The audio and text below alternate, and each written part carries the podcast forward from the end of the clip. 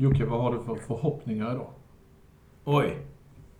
Det var... Nej, men idag har jag förhoppningar. För det här är ju epicentrum av eh, det vi har pratat upp ett tag. Det är nu vi ska leverera. Vad är det du ska leverera? Ja, men det är cykelhandlaravsnittet nu. Ja. Det är nu det ska bli, vi ska koka ihop det. Det finns ingen anledning att inte håsa detta. Jag tycker vi har varit dåliga på håsa det, måste jag säga. För att Äh, vi vi kom på temat Snack, idag. snack, snack. Nej, det gjorde vi inte Nej, alls. förlåt. Häromdagen.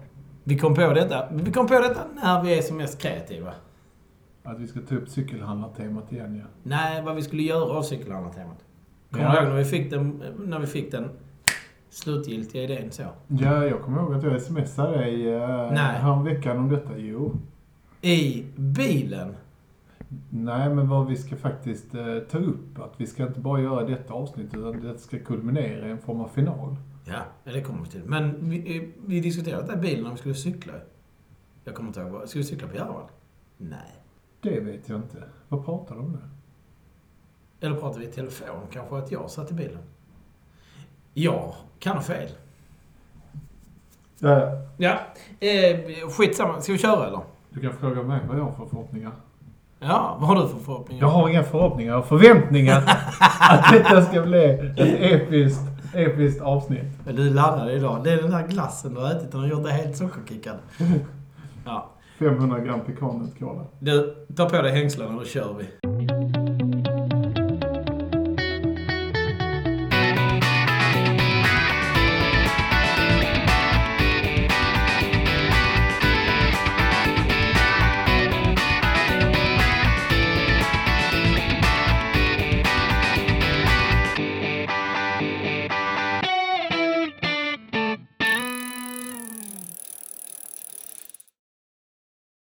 Micke, vad, vad händer i ditt cykelliv? I mitt cykelliv händer mycket. Nu har jag börjat cykla åtminstone en dag i veckan. Det handlar om att din cykel är hel igen. Den är, den är hel igen. Jag tycker att det är roligt också. Ja, men jag känner att vi har fått lite tid till att cykla och träffas på de här lördag och söndagmorgnarna. Nu är jag i och för sig tennistränare på lördagmorgnarna så att det, det får bli tidigare rundor. Men eh, på söndagar. Men det, det känns kul. Vädret är med oss. Det är fina leder där ute. Det är Vad händer, torrt. vad händer i ditt cykelliv? Jag har köpt landsvägscykel. Ja, kan du berätta mer om det? Det var en jävla grej. Nej, det kan jag inte berätta för mycket om. Eh, Eller jag kan berätta mycket om det. Jag började, det var så här. Eh, fint väder. Förra sommaren var det inte så här fint väder tre dagar i rad. Det var inte fint väder, så här fint väder tre dagar. Punkt. Men nu när det var fint väder igen, och framförallt ett par morgnar när jag varit uppe här och det är helt vindstilla och, och så.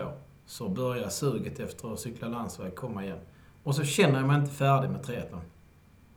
Men Så- ska du cykla triathlon med den cykeln du har köpt? Ja, Jaha. kanske det.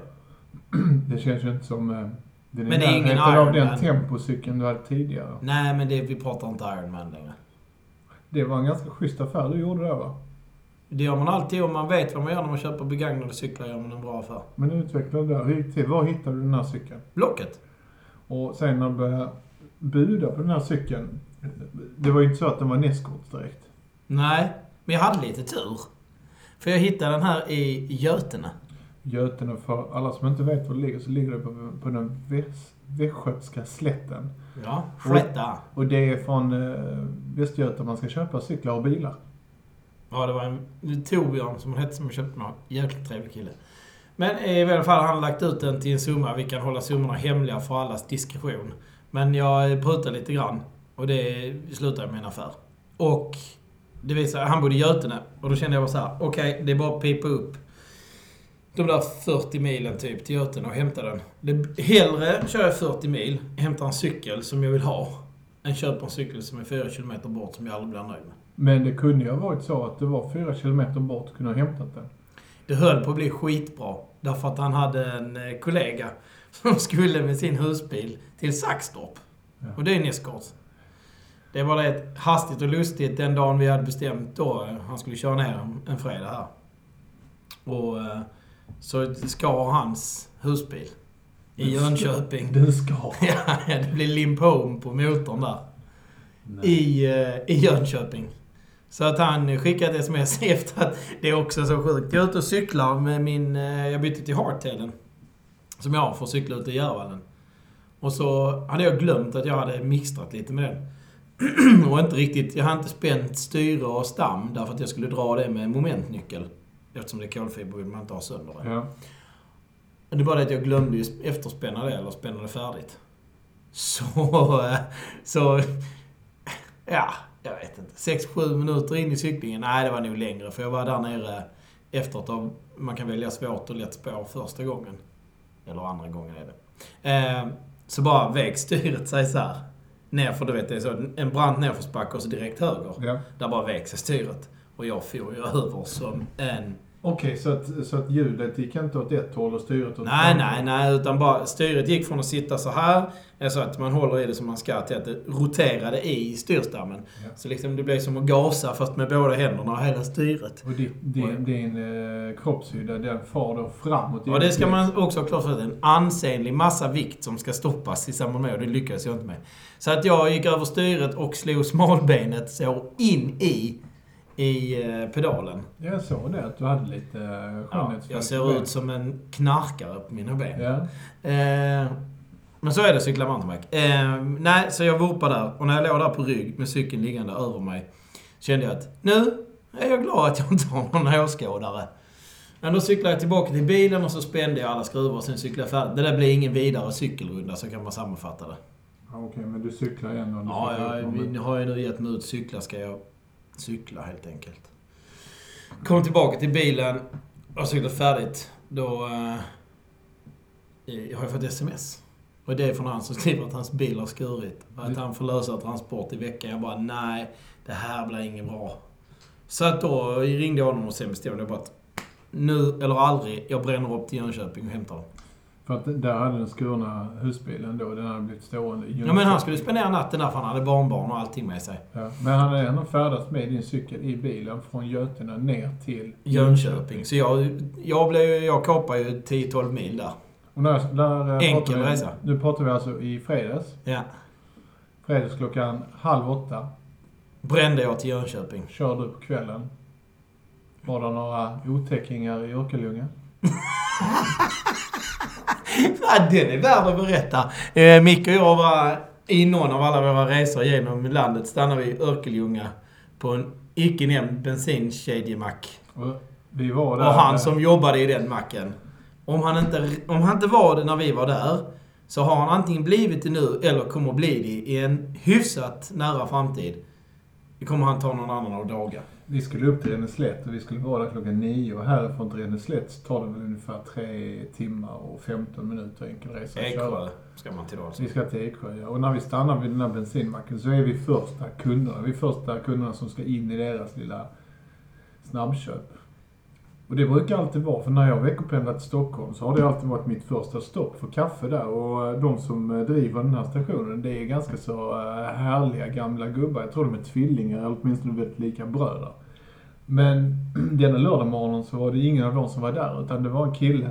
Så om man tänker sig en, en Hollywoodfilm, eh, typ Bodyguard, och eh, den här killen som stalkar då eh, Whitney Houston, som är lite så här permanenta. Det ser ut som en riktig våldtäktsman, eh, mördare. Det var alltså han som mötte oss där. Ja, är du en av våra lyssnare blir blir vi väldigt mycket emot. Men vad jag vill säga är... ehm, Han var inte där. jag ser honom mer som något ur Fargo, liksom. Ja, det var ett. Han kändes, han kändes lite obehaglig. Och sen har det varit ett stående skämt om, om Örkelljunga. Men, eh, skit i det nu. Jag hämtar cykeln där. Och jag har eh, cyklat eh, på den. Det är... Det var bra. Och du var hemma då vid halv två på natten, eller? Nej, halv ett. Halv ett? Ja, det gick Ja, snabbt. ja det var bara att hämta och så hota innan i bilen och så ett par bra podcaster på vägen upp och ett par på vägen hem. Ja, då är ju en sån, då är en sån resa en ynnest. Det var hur lätt som helst. Det rätt fanns ingenting med den resan som inte var positivt. Eh, sagt och gjort. Så eh, nu blir det lite landsväg också. Och det ska sägas att eh, det är gött att köpa den här begagnade cykeln som var... Det ska sägas att den var i, i, i nära nyskick. Det var säljarens dotter som hade haft den. Och hon hade cyklat två tjejvetton på den. Och jag tror inte hon har tränat så mycket till de tjejvettorna för den har knappt rullat något. Och det var ett helt nytt varumärke för oss också. Jag tror jag aldrig sett det varumärket innan.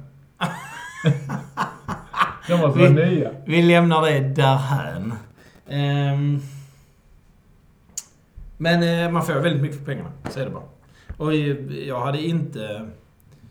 Det fanns inte någon väg att eh, handla dyra cyklar den gången. Så det ska bli roligt att se om jag är lika nöjd om ett tag. Det ska bli jätteroligt att följa din resa där också på när du kommer till cykla på den här hojen. Men du har ju själv sagt att den kommer gå mer inomhus än utomhus. Ja, men det planen är ju att köra trainer och eh, Swift. Ja.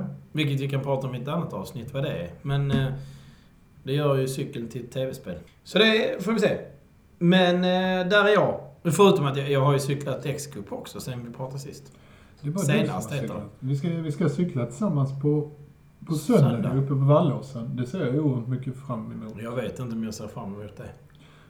Alla säger att man måste vara så himla bra form för att det ska vara roligt. Bra form. Jag är aldrig i bra form. Jag är i rund form. Ja, jag är i lång form.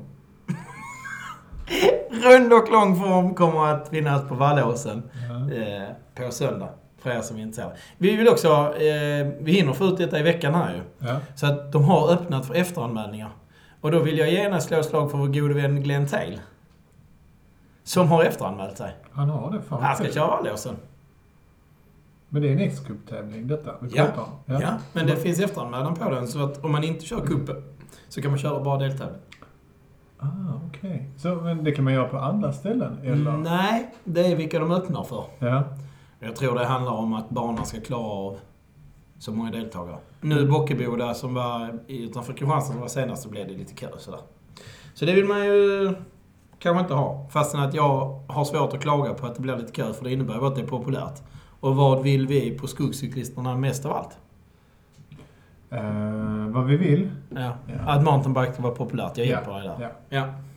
Du, vi, eh, vi stänger boken för eh, det aktuella läget där och går helt sömlöst över till...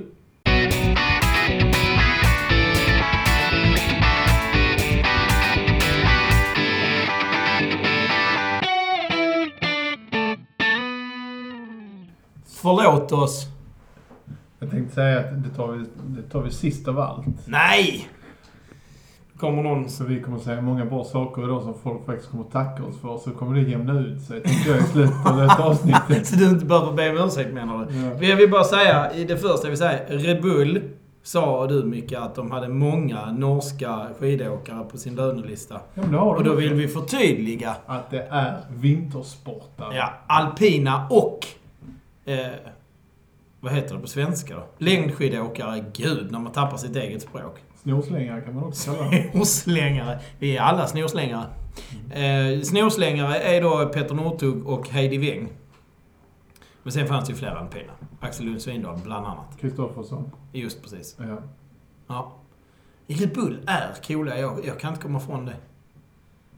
Det är ju inte ett speciellt sportigt märke egentligen. Det är en läskedryck. Många av mina gamla kollegor började jobba på Red Bull faktiskt. När jag jobbade på ett skidvarumärke från Österrike så eh, var det många där som eh, gick från Altenmarkt till Salzburg och började jobba för Red Bull. Jaha. Ja.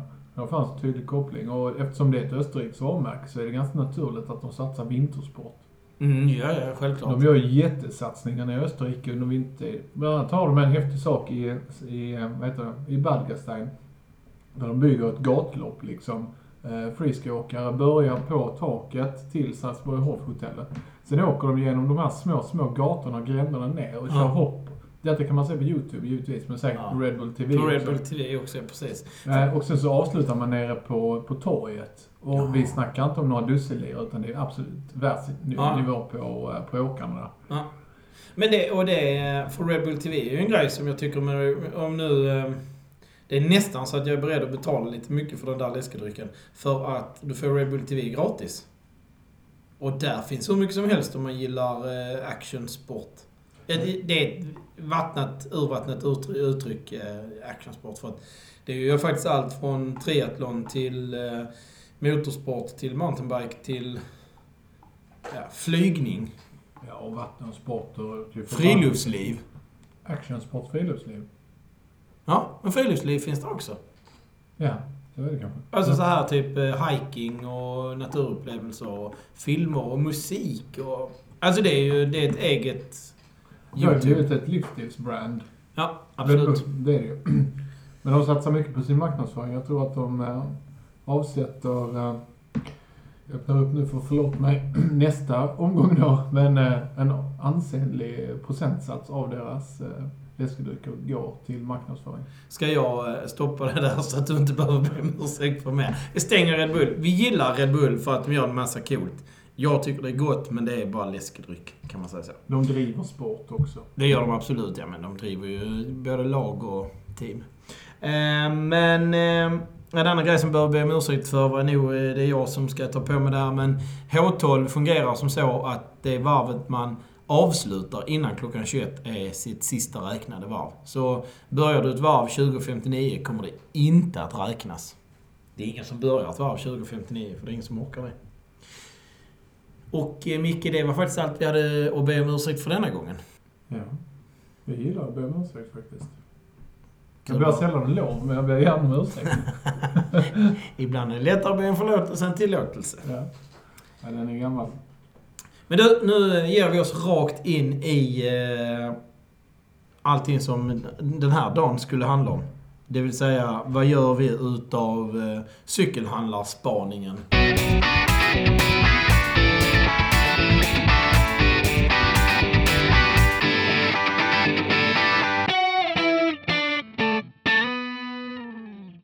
Och du som roddar vårt, eh, våra sociala medier, du har ju sett att de flesta interaktioner har ju faktiskt kommit mycket tack vare att vi har lyft på den, det locket med cykelhandlare. Absolut. Och så gillar vi att prata om det. Det är ju faktiskt eh, de gångerna vi ringer varandra rent spontant, det är ju när vi har stött på någon cykelhandlare och så. Det känns som att det är någonting man vill prata om. Det är alltid passionerade samtal. Antingen på det ena hållet, högt eller lågt liksom. Då kan inte alltid med cykelhandlaren för då är man ju rätt så eh, återhållsam. Men sen om den. Ja, ja. Ja. ja, ja. Men i alla fall så har vi, eh, vi har ju bett om att få eh, input och det har vi fått. Eh, bra. Högt och lågt och brett och vitt och ja, men ganska bra input sådär. Och vi har kommit fram till att vi ska förvalta den. Och jag, låt mig berätta detta då. Då är det så att vi tänker oss att vi kommer ha åtminstone en recension eller någon form av hyllning per avsnitt. Ja. Och sen så ska detta då kulminera i en, eh, vi, vi korar en vinnare vid årets slut. Ja. Ja, förutsättningsvis att vi tycker detta är roligt och fortsätter till årets slut. Ja. Givetvis. Men allting tyder på det nu. Ja. Och ehm, vi, eh, vi har ingen grej av detta utan eh, vi pratar utifrån våra hjärtan och våra intryck givetvis. Eh, och era intryck. Exakt. Och det kan du faktiskt få fylla i. Ja, för så här ligger det till att om vi eh, ska hålla det vi lovar här med att eh, hissa, hylla eller eh, berätta om någon som gör någonting bra i varje avsnitt så är vi inte riktigt i mål eh, med antalet positiva recensioner vi har. Så eh, vi kommer börja med det vi har och vi kommer givetvis berätta om egna upplevelser också. Och vi vill att eh, ni som har något positivt att berätta om er cykelhandlare, där ni har köpt er cykel eller eh, vad det nu kan vara, hur det än är. Kom och berätta eller skriv och berätta det för oss så att vi kan eh, hylla dem i podden här. Vi kommer dock inte eh, föra vidare onda ord och, eh, och elakheter utan vi vill gärna hylla de som bör hyllas och, och vill gärna hjälpa de som kanske Eh, bör utvecklas. Ja, i vårt... Det känns som att sådana här hissa och dissa finns det så gott om. Och dissa känner jag att eh, det ligger så långt ifrån en, vad en ambassadör ska göra. Att dissa saker. Eh, jag har så många exempel på idrottsmän, eh, eller atleter eller vad vi ska kalla dem, som är, eh, utger sig vara ambassadörer. Och sen så sågar de saker. Och det är... För mig är det inte alls konstruktivt. Alltså det är bra att veta att en produkt till exempel inte motsvarar någons förväntningar. Men den typen av information vill jag ha från, nu kommer jag nämna DC Rainmaker. Men det finns Ginger Runner och det finns, eh, det finns en hel uppsjö sådana här som gör sjukt djupgående recensioner där de testar saker på ett extremt noggrant sätt. Fine. Lyft för och nackdelar i det. Men att bara dissa saker, äh, har lite svårt för det. Men det gör ju inte de. De dissar ju inte saker. De är ju... Jo, det gör de ju, men de gör det ju med fakta.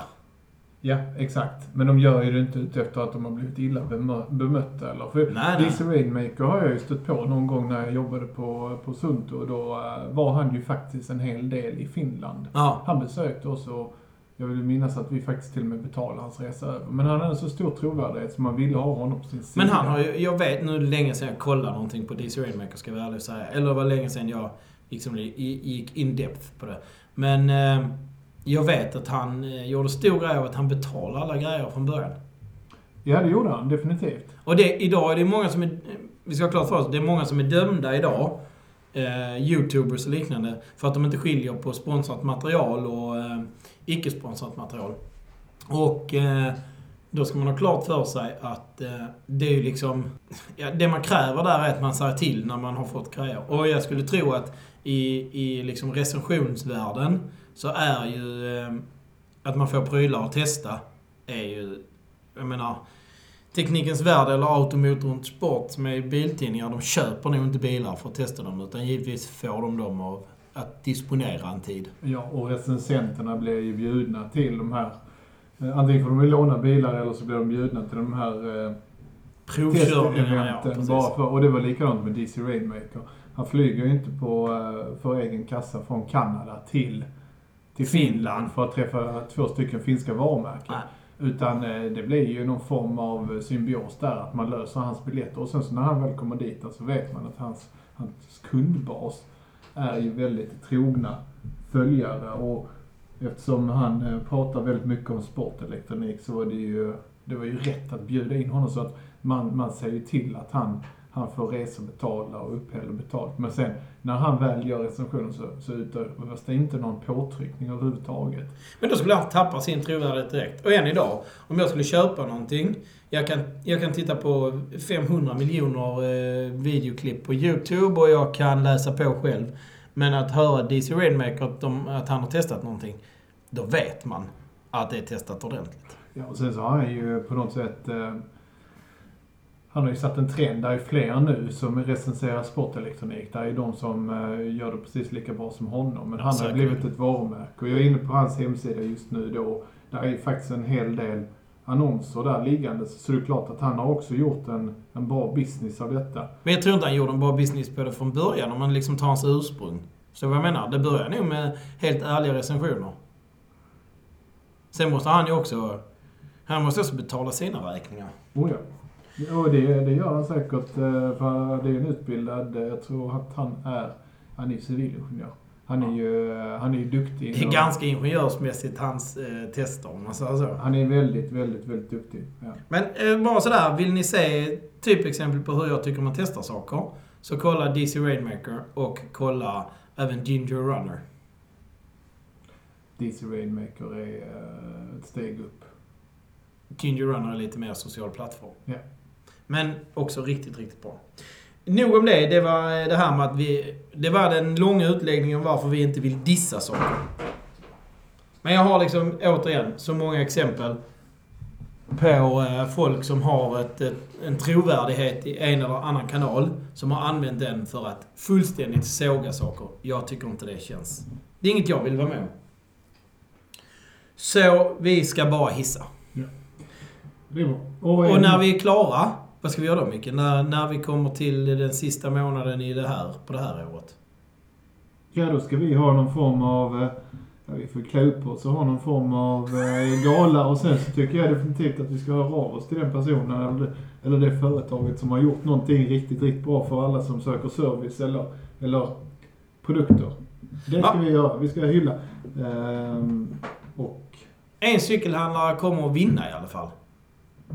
Och det är lite upp till eh, alla som lyssnar och även till oss givetvis. Ja. Att kora den tillsammans. Ja. Och det kan bli så också att det blir en cykelhandlare vi inte tar upp under resans gång, men det kan också bli någon som vi tar upp idag eller i nästa avsnitt. Ja, det blir högst troligt när vi tar upp, skulle jag tro. Men eh, någon kommer bli eh, eh, cykelhandlaren som har vunnit eh, skogscyklisternas stora omröstning. Förtroende. Ja. Omröstning är också fel, för det är du och jag som röstar. Ja. Men för att eh, vi ska kunna rösta på någon så måste alltså ni som lyssnar göra oss uppmärksamma på dem. Och lämna feedback. Även för sådana eh, återförsäljare som har ehm, tagits upp här som har, som har gjort ännu bättre saker på resans gång. Så all feedback är bra. Vi lägger det i en databank och sen så ser vi till att den, när den fylls på så eh, kommer vi i slutändan recensera det. Ja, nämner vi någon och det får dig att tänka som lyssnar att Oh, där var jag också. Ja, de var riktigt bra. Fyll på. Vi är inte, vi är inte immuna för eh, mer. Men det blir ett eh, eh, fint pris till den som vinner. Som vi eh, kommer att finansiera ur egna fickor. Absolut. Hela den här podden är finansierad ur egen ficka. Så jag tycker vi, vi sätter igång nu och så börjar vi prata om, eh, om den första. Cykelhandlaren. Ja, eller det... Ja, Jag tänkte vi skulle ta våra statuter för vad vi tycker är viktigt bara. Ja, Och så ta nästa avsnitt till den första cykelhandlaren. Ja, för jag har ju en cykelhandlare som jag besökt. Och jag jag vet, blir helt det, trollbunden. det, det bränner i dig. Jag ser, jag ser hur det brinner i dina ögon, Micke. Men Så du menar alltså att vi får vänta till nästa avsnitt? du får vänta till nästa avsnitt. Du får, vet du vad? Eftersom du ändå är 50% av den här podden. Du får företräde och får vara först med att berätta om den här. Jag vet precis vem du menar. Mm. Och jag tycker de förtjänar att bli hyllade först. Ja. Jag har inte varit där ens och jag är impad. Nej, men det är en destination. Så du eh, måste åka dit. Men det ska jag sälja in nästa gång. Det är uppfattat.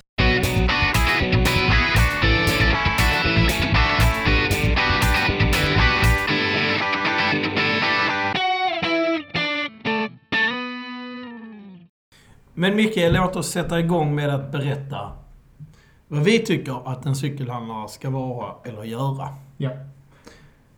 Och ska vi då börja så väljer vi att kalla den första rubriken för passion eller hög svansföring. Ja.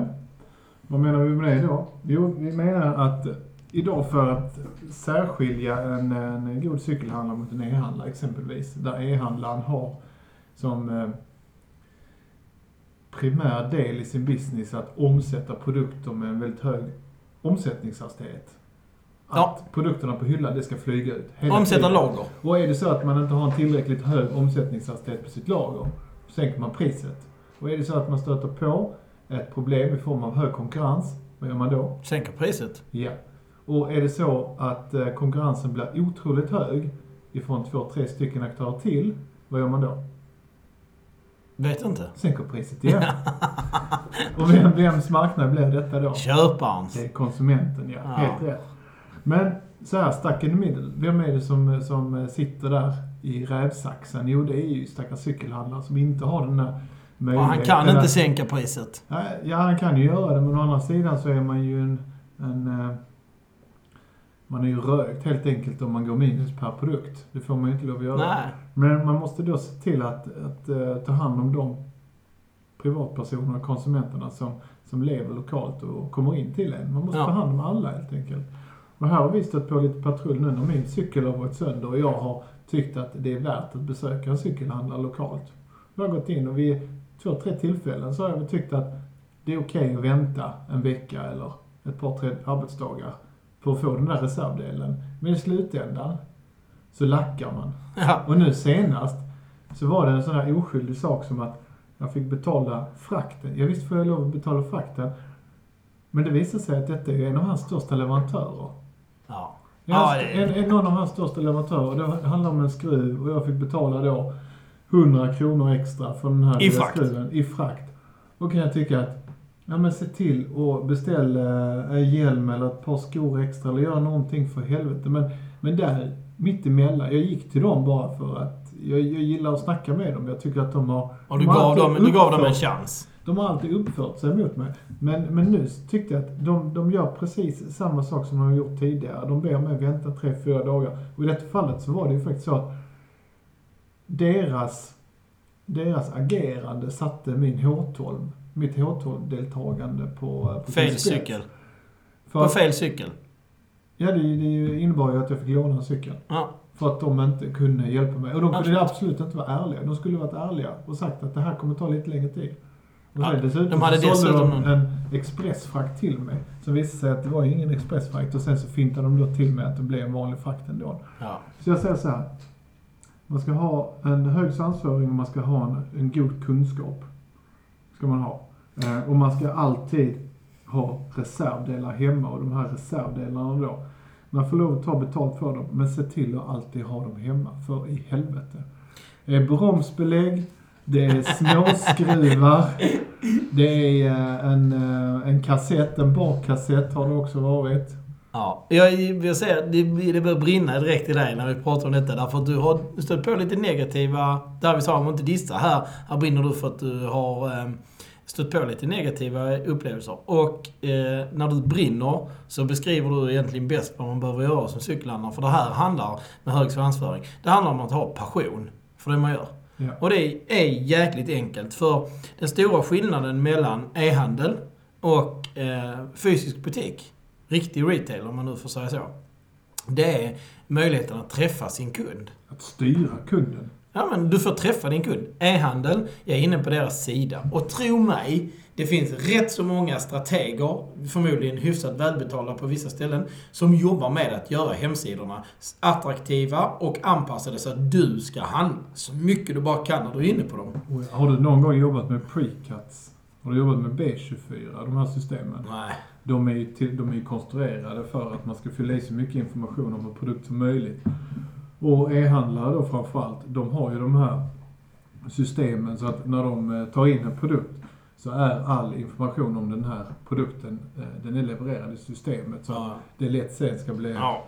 Specifikationer om produkten. typ. relevant för konsumenten att Ja. ta reda på information om produkten själv. Och Ja. bilder och, och Men allt i e-handel går ut på att maximera hur mycket man kan dra ur sin kund, hur mycket man kan bjuda sin kund med en hemsida. Ja. Och om vi då plockar bort dem, för e-handlare får inte vara med på detta, så står ju faktiskt eh, cykelbutikerna kvar med skillnaden och övertaget på e-handeln. Att de får lov att träffa sin kund. Och det finns ingenting som gör eh, mig, och med mig många tror jag, eh, så glad som att mötas av passion. Som möts av en människa av kött och blod som brinner för det de gör. Så om jag inte möts av det då, utan motsatsen är att man är, det vill säga, man är lite likgiltig, vilket, tro mig, jag har stött på på alldeles för många butiker. Där man, man bryr sig inte om sin kund. Det är intrycket jag får i alla fall. Då vill du förlora den här fighten. Då, då är du loser på förhand. Var inte det. Ta den här fighten med eh, e-handel genom att förvalta det, att du eh, har din kund i butiken. Och driv kunden när du har dem i butiken. Se till att få dem att... Eh, jag menar, merförsäljning är den, den gyllene graalen här någonstans. Se till att om du är inne för att köpa det ena, visa det andra för dig också. Det kanske inte blir ett köp den här gången, men till slut kanske det hamnar där. Och någonstans så kan försäljning också handla rätt mycket om att få tio nej innan du får ett ja. Men du menar också, tror jag, att man ska, man ska lägga sig för, på konsumentens eh, nivå och sen så eh, och utmana, skapa en diskussion hela tiden. Självklart. Att du och jag, vi är helt olika individer när det kommer till kunskap inom, eh, inom ja, Ja, del, du och jag- delar på en cykel. Ja. Och, och här, här är ju faktiskt en ypperlig chans för en cykelhandlare eller en eh, mekaniker i, hos en cykelhandlare att lägga sig på samma nivå och prata för att då vinner man den, andra, den andras respekt direkt. Ja, men det här handlar om att förstå sin kund. Och om du inte förstår din kund kan du inte tillgodose deras behov. Det är liksom... Det, det är försäljning lektion ett. Att eh, det första du måste göra, och butiker, ska man då ha klart för sig jämfört med annan försäljning, kanske ha en ganska kort kontakt med sin kund. Eh, men fortfarande, ta reda på vad den här människan vill. Och, inte, och då kanske inte heller stanna i att lyssna på svaret, men gör någon form av plocka in vad de säger och, och värdera det någonstans också så att du faktiskt... För ditt svar är kanske jag vill bara ha en skruv. Men hela ditt kroppsspråk och vad du är i resten, om man har lite, lite känsla för det här med försäljning, det säger jag vill köpa en cykelhjälm också. Då gäller det ju att plocka det. Och har man inte den kunskapen och står i butik, då är man faktiskt fucked. Och där har vi varit inne på det tidigare, att inte ta ansvar. Utan där man ska utmana. Ja. Att inte ta ansvar och sen säga, men vi har faktiskt en hjälm här nu som är eh, satt till 50%. Utan ta ett ansvar genom att sälja på det som är det, det absolut rätta i situationen. Om Ja. nu pratar om detta. Nu, nu var vi i sig inne på reservdelar och så, så driftar vi över på något Ja, men det, vad är det som säger att den som går in och köper en reservdel inte vill köpa en hjälm? Och som vi har pratat om med cyklar, när man går in och säger, så är det första man säger, ja men jag har en cykel till bra pris. Vem fan sa att jag brydde mig om priset? Så där gäller det, om det kommer in en människa som eh, vill köpa en ny cykel, så betyder inte det att de vill köpa den billigaste cykeln i affären. Det kan betyda att det här är kanske en helt ekonomiskt oberoende människa. De skiter fullständigt i just pris. God för 400 miljoner Ja, kronor. de vill ha det fetaste du har att sälja dem. Och har du inte det hemma så vill de att de beställer, vill de att du beställer hem det fetaste som finns till dem. Varför inte? Alltså, jag bara säger, gör inga, gör inga, använd inga fördomar utan lyssna på din kund. Och det är också en sån feedback som vi har fått i det här, som inte hänger ihop med en cykelhandlare, men en eh, kvinnlig lyssnare som skickade in till oss. Där hon hade varit inne med liksom sina jobbkläder. Typ en Michael Kors-väska och lite finare kläder, alltså dressat. Och frågat om löparskor. Och fått en liksom lilla gumman-blick tillbaka. Eh, och lilla gumman-blick för mig, det är ungefär samma som att klappa folk på huvudet. Hade hon gått in i ett par friluftsskor och ett par jeans så hade hon fått ett annat bemötande. Den säljaren ska bara ha sparken. Alltså, jobba i, en, i, jobba i en cykelbutik är inte att jobba på ICA. Det är inte att stapla varor på en hylla. Du måste ha passion för det du gör. Och det måste du för att kunna utmana och driva din kund och du måste göra det för att förstå kunden. Och sen blir det också, jag vet inte, men om jag ska gå till jobbet varje dag så är det lite enklare om jag jobbar med något som jag tycker är roligt. Och cykel, ja det måste nog vara roligt därför att det är ingenting, jag menar vi går till, nu tog jag ICA som exempel, men det går lika bra med Coop eller Hemköp. Men jag går till matvarubutiken för att jag måste. För att jag måste äta mat, för annars så dör jag faktiskt i förlängningen. Även om det kommer att ta lång tid med mig, jag har mycket att ta av. Så kommer det så småningom att svälta ihjäl. Men cyklar är ju, det är ju inget jag behöver. Det är inget jag måste ha. Det är lust och vilja och, och, och nöje. Och då gäller det banne mig att vara på par med sin kund i passion.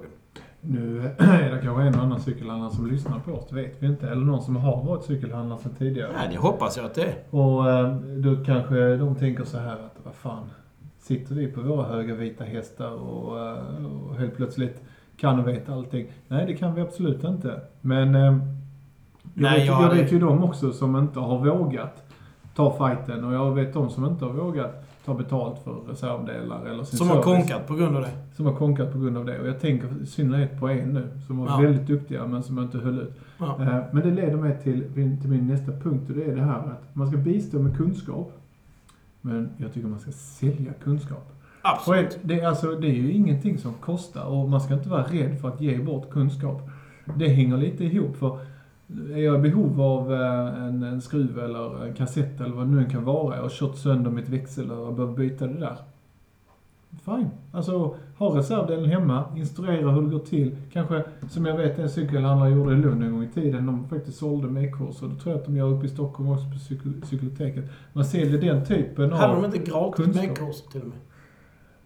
Hur gjorde de på cykelsitt när de fanns? Ja, men det jag menar. Cykelcity tror jag hade gratis meckkurser. Och då anmälde du dig till en sån bara? Ja, jag har varit på en sån. Ja, jag vet det, att du har det. Det Ja. var väl en tvåstegsraket va? Det minns jag inte nu. Men ju, det var, alltså grejen är, det var jättebra. Alla var ju i deras butik. Efter stängningsdags. Och vad tror du hände när vi gick ut på den veckan alla ville handla någonting? Ja, men lite så är det ju. Och, och så pratar man med varandra och, förtroendet, det byggs ju där direkt till den här butiken. Absolut. Eh, Plus att, plus att du får med dig kunskap när du går därifrån. När den inte räcker till, var går du då? Ja, men alla, alla, alla butiker ska ha ju kvadratmeteryta som ska försörjas. Varje kvadratmeter ska ju försörjas. Det ska vara någonting som omsätter tusenlappar varje dag. Ja. Eh, Det, det kanske man inte tänker på, men även när man kliver in liksom innanför entrén så kostar den platsen lika mycket som, eh, som platsen längst in med, Ja. eh, med mjölk. Ja. Men, jag tycker att har man inte det på hyllan så kan man lägga upp liksom kunskap, en etikett för det. Och sälja det. Alltså var, var ärlig och, och bjud på kaffe och hjälp till att byta ett bromsbelägg. Och berätta hur man gör också. Om det är så att intresse visas för det. Men, Ja, är, men- det, är det någon annan som kommer in på lunchen och säger jag har 10 minuter, kan du göra det för mig? Eller jag kommer och hämtar cykeln sen. Ja, jag behöver byta en slang. göra det. Men däremot så tycker jag definitivt att, vad fan ha det som en produkt. Sälj kunskap för helvete. Ja, och, nej, och sen när det gäller den kunskap du har. Vi är alla olika. Jag gillar att mecka med mina cyklar. Jag eh, vill påstå att jag försöker förkovra mig så att jag klarar av det. Det är inte alla som har det intresset, eller tiden för den delen. De är beredda att betala för det. Ta då betalt. Vi har båda två, eh, vi kan säga det rakt ut, så det inte finns på Kittel i Lund. Som var ett, en riktig cykelbutik i mina ögon med, med väldigt många grejer de gjorde rätt. Men en grej gjorde de fel. De tog för lite betalt. Jag gillade att åka in där. Jag var där inne och lämnade min cykel flera gånger.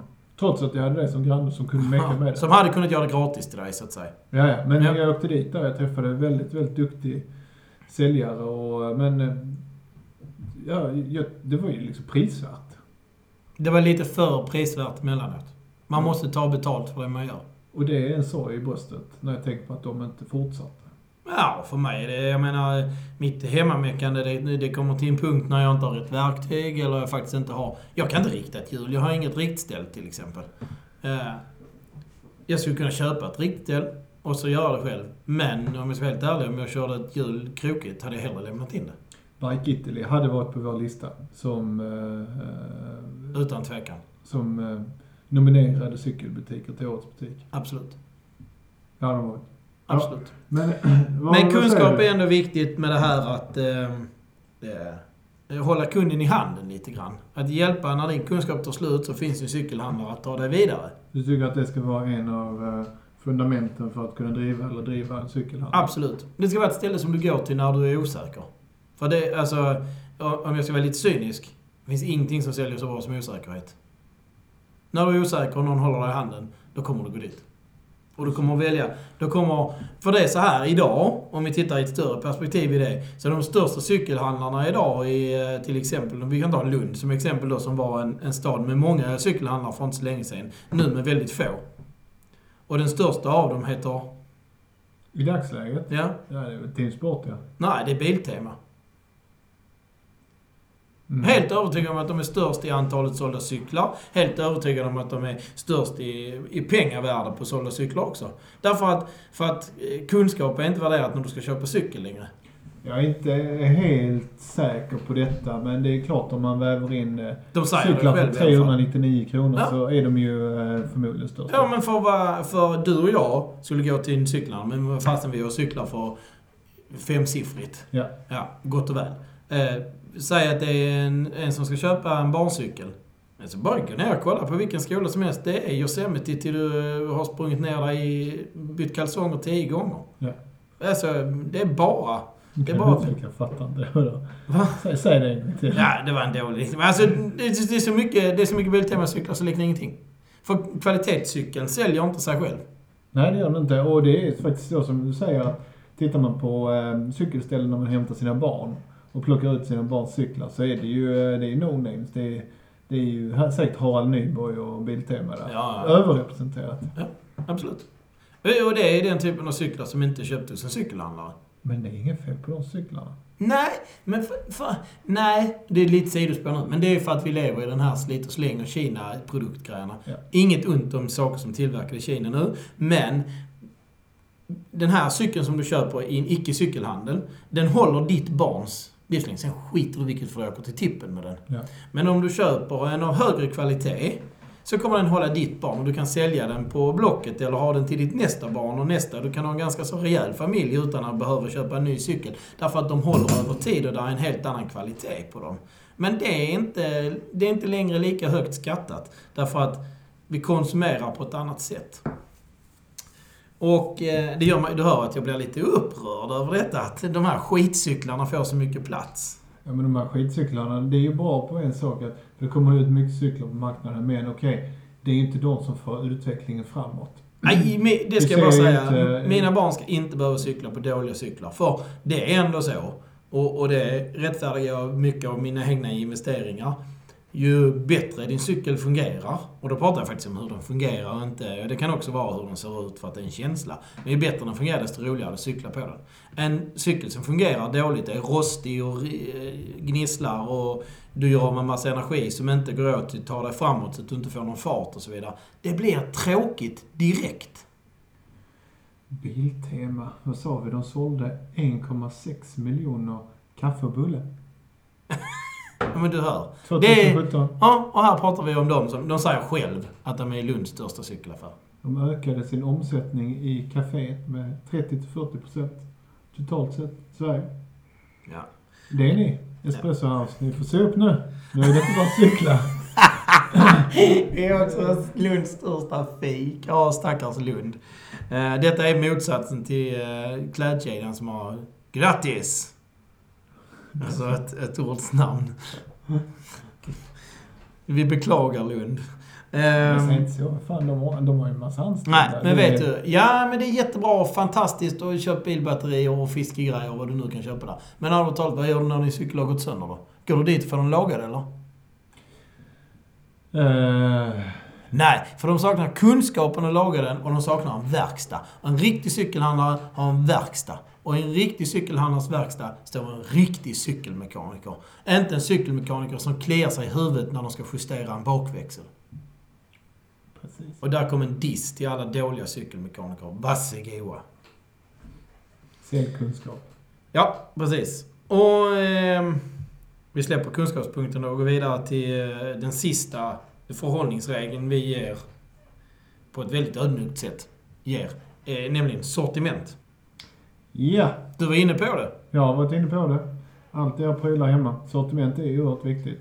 För sortimentet, om man utvecklar det sen, så blir man ju som cyklist eh, väldigt man blir lite sugen på att byta produkter. Du vill byta skor eller byta eh, handtag och grepp och sånt här. När man då kan få prylarna samma eftermiddag, om jag nu känner för att åka ner på cykelhandlaren. Har de bara liksom ett, ett hyfsat sortiment. Och nu pratar vi inte ett sortiment likt en e-handlare. Utan vi pratar om ett sortiment som är respektabelt. Och än en gång, inte billig skit. Du ska få eh, två lysande exempel på det här med cykelhandlare och hålla sortiment. Som eh, det faktiskt är. Det här tror jag fungerar på andra ställen. Men just nu i, i, eh, i den här regionen så är vi lite, har vi lite otur. Jag köpte landsvägscykel nu. Eh, jag eh, gjorde mig av med prylar jag hade så jag behöver ett par nya skor. Du såg själv, jag visade dig ett par skor jag vill köpa. Ja, du satt ju på YouTube nu när jag kom hem. Ja. Ja. Men eh, nu lät det som att vi bodde ihop. Det vill jag bara förtydliga för poddens lyssnare. Vi bor inte ihop. Vi bor nära varandra men inte i samma hus. Men vi kan det, vi, vi, vi har ju, det är ju inte mer än... Om jag höjer ljudet hör du på vad jag Ja, kollar det är på. kryp, krypavstånd nu. ja, det är det. Men i vilket fall som helst. ehm, så ehm, satt jag på YouTube och kollade på skor som jag då vill köpa, landsvägsskor. Och då önskar jag att jag kunde åka och prova de här skorna någonstans. Och det ska jag säga att jag hade aldrig begått det mest största sveket man kan göra i försäljning. Det vill säga prova dem hos en cykelhandlare och handla dem på nätet. Det hade jag aldrig gjort. Utan jag har handlat dem hos den cykelhandlaren. Du vänta, vi pausar det du ska säga nu, för du kommer säkert säga jättemycket. Men, har du gjort det någon gång? Nej. Är du säker? Ja. Handen på hjärtat? Ja. Helt ärligt. Ja. Och jag, det är för att jag är en sån sentimental mes. Så jag hade, jag hade liksom skämts när jag stod framför dem och provade storlekarna. Ja, det ska man göra. Då köper jag hellre, då chansar jag hellre. Alla ni som går och provar en storlek hos en handlare oavsett vad det är ni ska köpa och sen köper det på nätet. Ni spikare. Smuts är det. Så gör man inte. Då får man faktiskt kolla en size guide. Ja. För det är där jag sitter nu. Jag kan inte gå och prova de här skorna. Det finns ingen cykelhandlare här nere som har dem. Hur löser du detta då? Nej, jag går in på en size guide och så beställer jag. har mätt mina fötter. Har du beställt det? Nej, jag ska beställa det. Men har inte Giro, eh, de måste ju ha en återförsäljarlista. Men det är klart, det blir ju väldigt dyrt att åka till Götene och köpa ett par. Ja, men ska jag behöva åka land och rike runt för det? Ja, ja, det finns ju ingen här i närheten som har den. Och det är så här är det. Varumärket finns säkert på den närmsta tillgängliga butiken som säljer cyklar också. Jo, För jag vägrar kalla dem cykelhandlare vill jag bara säga. Men, men de har inte den modellen. För att de har ju valt att ta ansvar för sin kund. Och inte ta in en modell som kostar 2 500 kronor. Utan de har ju bara de som kostar 499 och går att använda till spinning också. Ja. För det är precis de jag vill ha. Nej, Inte. De har ett par skor där som ligger på 1200 kronor också. Oh shit, ja. Ja, Jo, men ska du sitta och raljera så kan du ju ändå ha lite sanning i det. ja okej. De har 1200 kronor skorna också. Nej, de hade nog några Shimano-skor som var rätt dyra faktiskt. Ja. Ja, 1500 spänn. De har mycket från Shimano. Men inga bromsbelägg. Nej, nu tänker vi inte på samma ställe. Nähä! Nej, men det är sant. Den ligger närmare än den jag tänker på. Ja. Jag tänker på en kedja. Alltså den jäveln. Ja. Ja. Men nej, skitsamma. De har inte den där heller. Nej.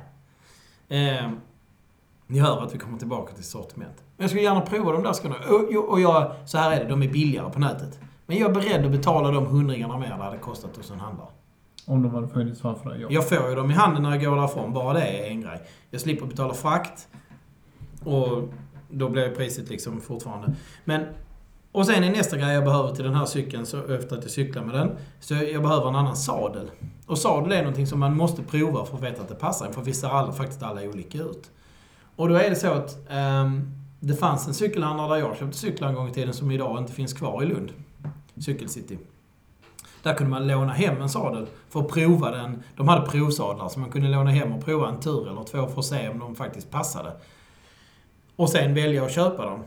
Och det fanns säkert de som fulade sig där också. Men det finns ingen sån. Jag vet inte någon som erbjuder den servicen och framförallt inte på det varumärket jag Vad menar du med fula sig? Ja men, prova den hos dem köpte den på nätet. Jaha, du menar så ja. Lämna tillbaka och sa nej, det var inte för mig. Och så köpte man den någon annanstans. Ja, tråkigt. Ehm, men eh, jag vet att när jag eh, gjorde illa min eh, hand där när jag skulle cykla Vättern.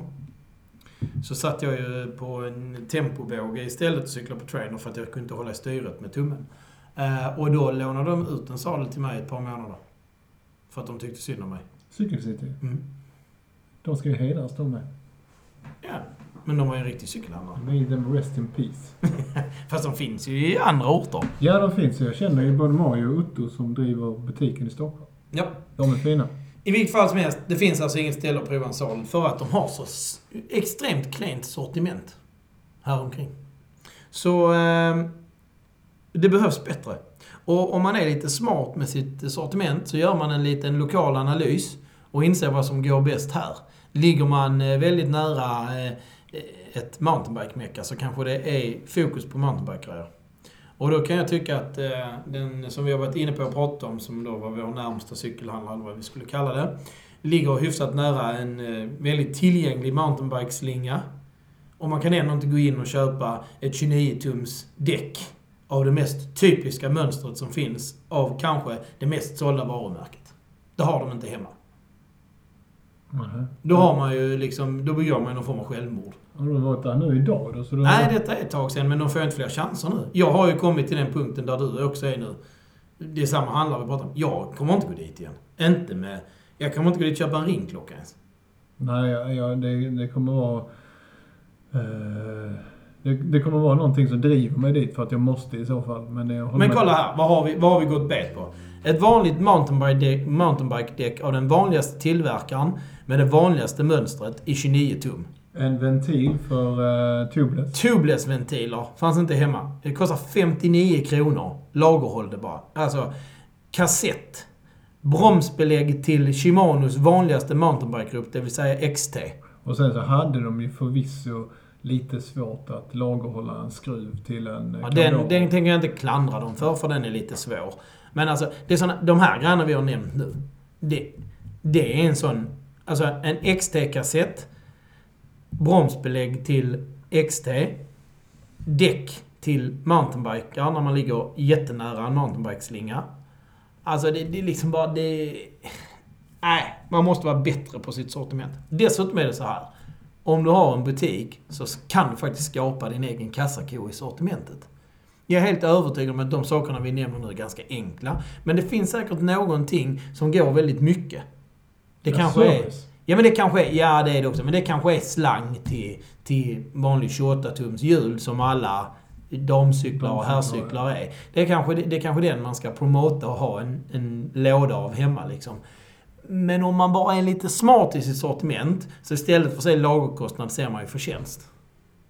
Det är lätt för dig att sitta och säga. Man eh, sitter där med sina egna pengar och kanske väljer vilken faktura som ska betalas först beroende på vilken leverantör det är som står där med sitt sortiment. Jag menar om Shimano har 80% av, eh, av butiken så är det klart att då måste du betala de fakturorna först och så är det kanske något annat varumärke som du söker efter på slang eller på eh, vad det nu kan vara. Ja, ja, men- till din, eh, till din fina racer nu. Det kan man ju också inse att för att... ehm, vi ska inte sitta här och vara skitnödiga men Men jag är inte skitnödig när jag säger heller att jag också för att det ska vara för att man ska ha liksom 10 stjärnor i provet, i mitt prov och cykelhandlare, så förväntar mig inte att man har sålt sig till en leverantör heller. Nej, men det är ju många som sitter i deras knä nu bara för att de har, in, de har enkla B2B-shoppar och eh, de, har, de får aldrig besök av någon säljare heller, de här stackars småhandlarna. Det är klart man inte får. Vad, vad, vi, vad vi vill komma någonstans, det är givetvis att ha det mest...